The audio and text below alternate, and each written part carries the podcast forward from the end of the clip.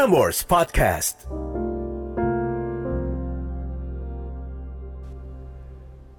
Catatan akhir malam oleh Narendra Pawaka. Selasa 14 September 2021. Semoga kaulah muda bisa lebih menghargai hadirnya orang tua kamu yang masih ada, agar tidak menyesali perbuatan kamu ketika mereka sudah tidak ada.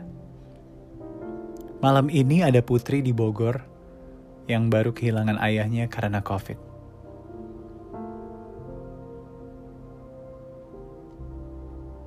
Kaulah muda ini sudah malam, dan pastinya tim dari catatan akhir malam mengucapkan turut berduka cita kepada ayahnya Putri di Bogor.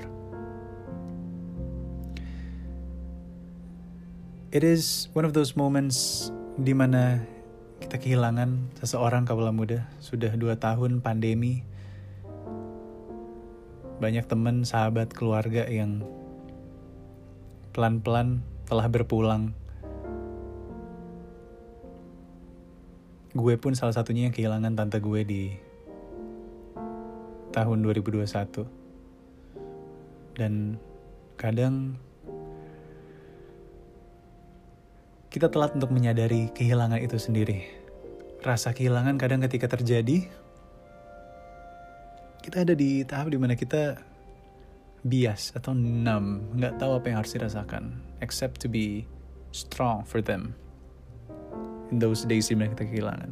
Sampai akhirnya kita menjalani hari dan hari, bulan dan bulan sampai akhirnya bisa memproses rasa sakit itu atau rasa kehilangan itu. Dan itu tidak apa-apa sebagai manusia. So please be honest for the night and tell your story di podcast catatan akhir malam ini adalah tempat kaulah muda untuk bercerita.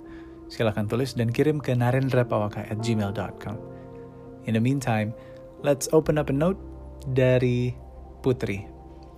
Dikirim di tanggal 26 Agustus, belum sampai sebulan. Mari kita bacakan di catatan akhir malam. Halo Eda, perkenalkan aku Putri dari Bogor. Hari ini aku mau numpang bercerita Bukan tentang pasangan, tapi tentang belahan jiwa aku.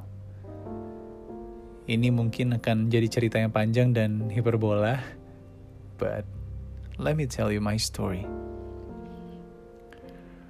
Aku seorang anak perempuan yang berumur 24 tahun, anak perempuan sekaligus anak tunggal yang baru saja kehilangan ayahnya. Cinta pertama dan terakhirnya. Aku, mama, dan papa sempat positif COVID di bulan Desember. Dan aku juga kehilangan papa di bulan Desember 2020 karena papa kalah melawan virus itu. Oh ternyata sudah lama ya, sudah 8 bulan berlalu tapi aku selalu merasa seperti baru kemarin ditinggal papa. Rasa sakit itu masih ada, dek. Hangat tangannya sebelum pergi masih terasa, Genggaman tangannya masih terasa. Raut wajahnya sebelum ditutup kain masih teringat. Wangi tubuhnya masih tercium. Ucapan terakhirnya masih begitu aku ingat. Jagain mama ya. Sabar. Ikhlas. Begitu katanya dengan ucapan yang terbata-bata karena kehabisan nafas sambil menggenggam tanganku dengan kuat sebelum akhirnya papa dibawa ke HCU.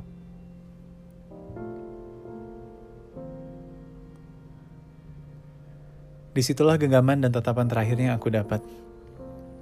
Selang 30 menit papa masuk HCU, kabar yang sebelumnya tidak ingin dan tidak pernah aku bayangkan terdengar. Papa henti jantung dan tidak bisa diselamatkan. Kalimat pertama yang kami ucapkan adalah, "Gak mungkin." Bagaimana seseorang yang kuat seperti Papa meninggalkan aku dan Mama begitu cepat? Memasuki ruangan HCU untuk menemui Papa terakhir kalinya dengan menyaksikan seluruh badan Papa sudah diselimuti kain putih. Sakit lemas, bingung, Sempat berpikir kalau papa, dokter, dan suster sedang bercanda. Yang bisa aku lakukan saat itu hanya memeluk papa dengan begitu kuat. Membelai mukanya dan bertanya kenapa harus sekarang.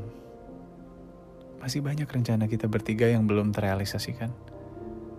Masih banyak cita-citaku yang belum terwujud dan belum papa saksikan. Kenapa harus papa? Kenapa tidak aku saja? Kenapa?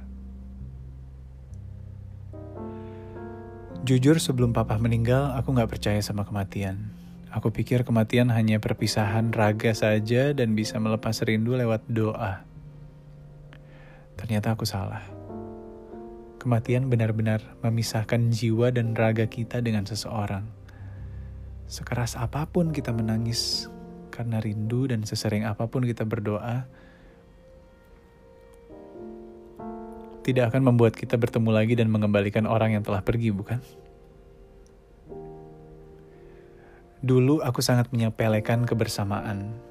Aku terlalu malas buat jalan atau kumpul bareng mama dan papa dengan pemikiran, ah besok juga bisa jalan atau kumpul bareng. Tapi kalau kumpul sama teman aku selalu semangat.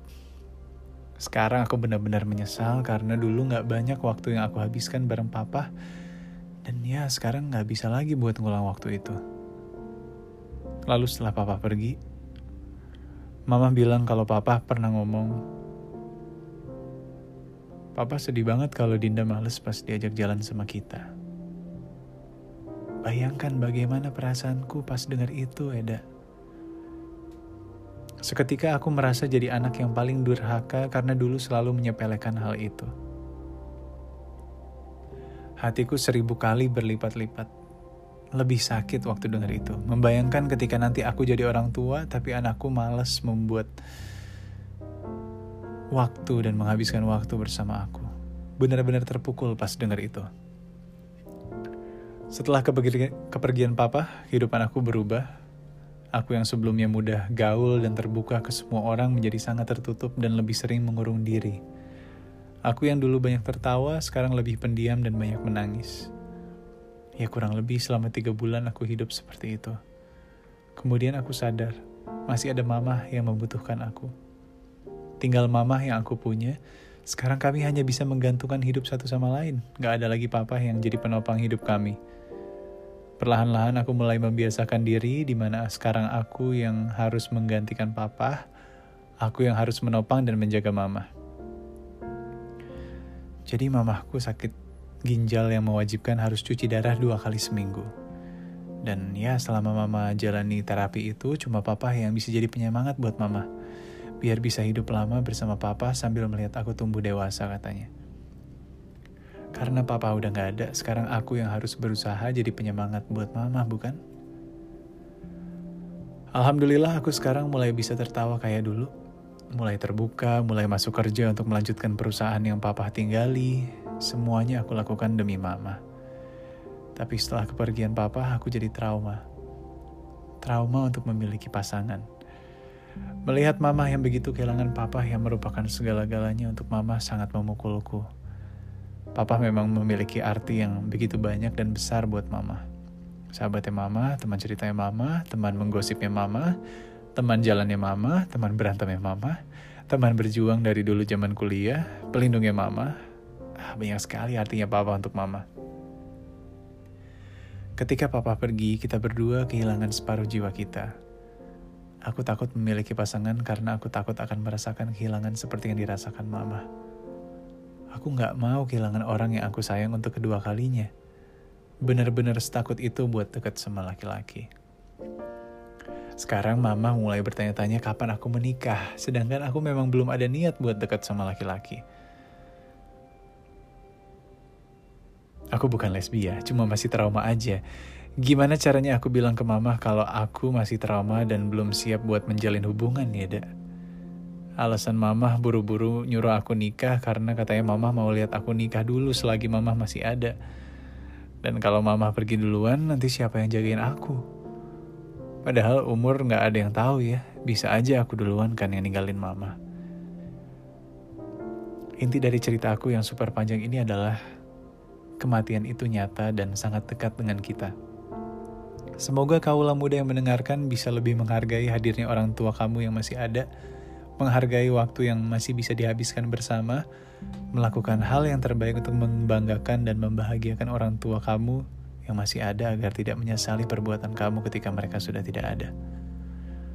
Untuk kaulah muda yang orang tuanya sudah tidak ada, semoga kamu tetap ingat orang tua kamu dan sering mengirimkan mereka doa yang banyak dan panjang dan semoga kamu tidak mengalami trauma seperti yang aku rasakan. Wow, sudah panjang banget ya ceritaku. Bosan gak ada? Tapi terima kasih sudah menyediakan tempat untuk bercerita. Aku lega banget. Dari kemarin mau cerita ke orang lain sepanjang ini, tapi maju mundur karena takut dibilang lebay. Semoga Eda ikhlas ya baca cerita aku yang panjang ini. Terima kasih sekali lagi, semoga Eda sehat selalu, sukses selalu untuk karirnya. Best regards, Putri si anak tunggal yang menyesali masa lalunya. Thank you for the note, Putri. Menghargai orang tua. Buat kaulah muda yang mendengarkan sampai akhir dan ngeklik judul menghargai hadirnya orang tua. At the first time that you click the podcast, you would know what would the story be about. And you would realize that saat orang tua masih ada, itulah momen-momen di mana lo gunakan untuk apalagi masa pandemi gini ya, reconnect, ngobrol sama orang tua lo. Karena kita nggak pernah tahu kapan mereka akan selalu hadir di samping kita.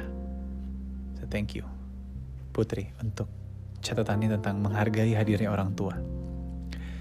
Last and definitely not the least, buat kamu yang terlahir di tanggal 14 September. Learn to assert yourself and be more aggressive. You are self reliant and ambitious, but very modest. You could achieve much more if you let yourself do so. You are musical and literary, and you love with your whole heart. My name is Narendra Pawaka, and this is Catatan Akhir Malam. Have a good night, sleep tight, and don't let the bad bugs bite.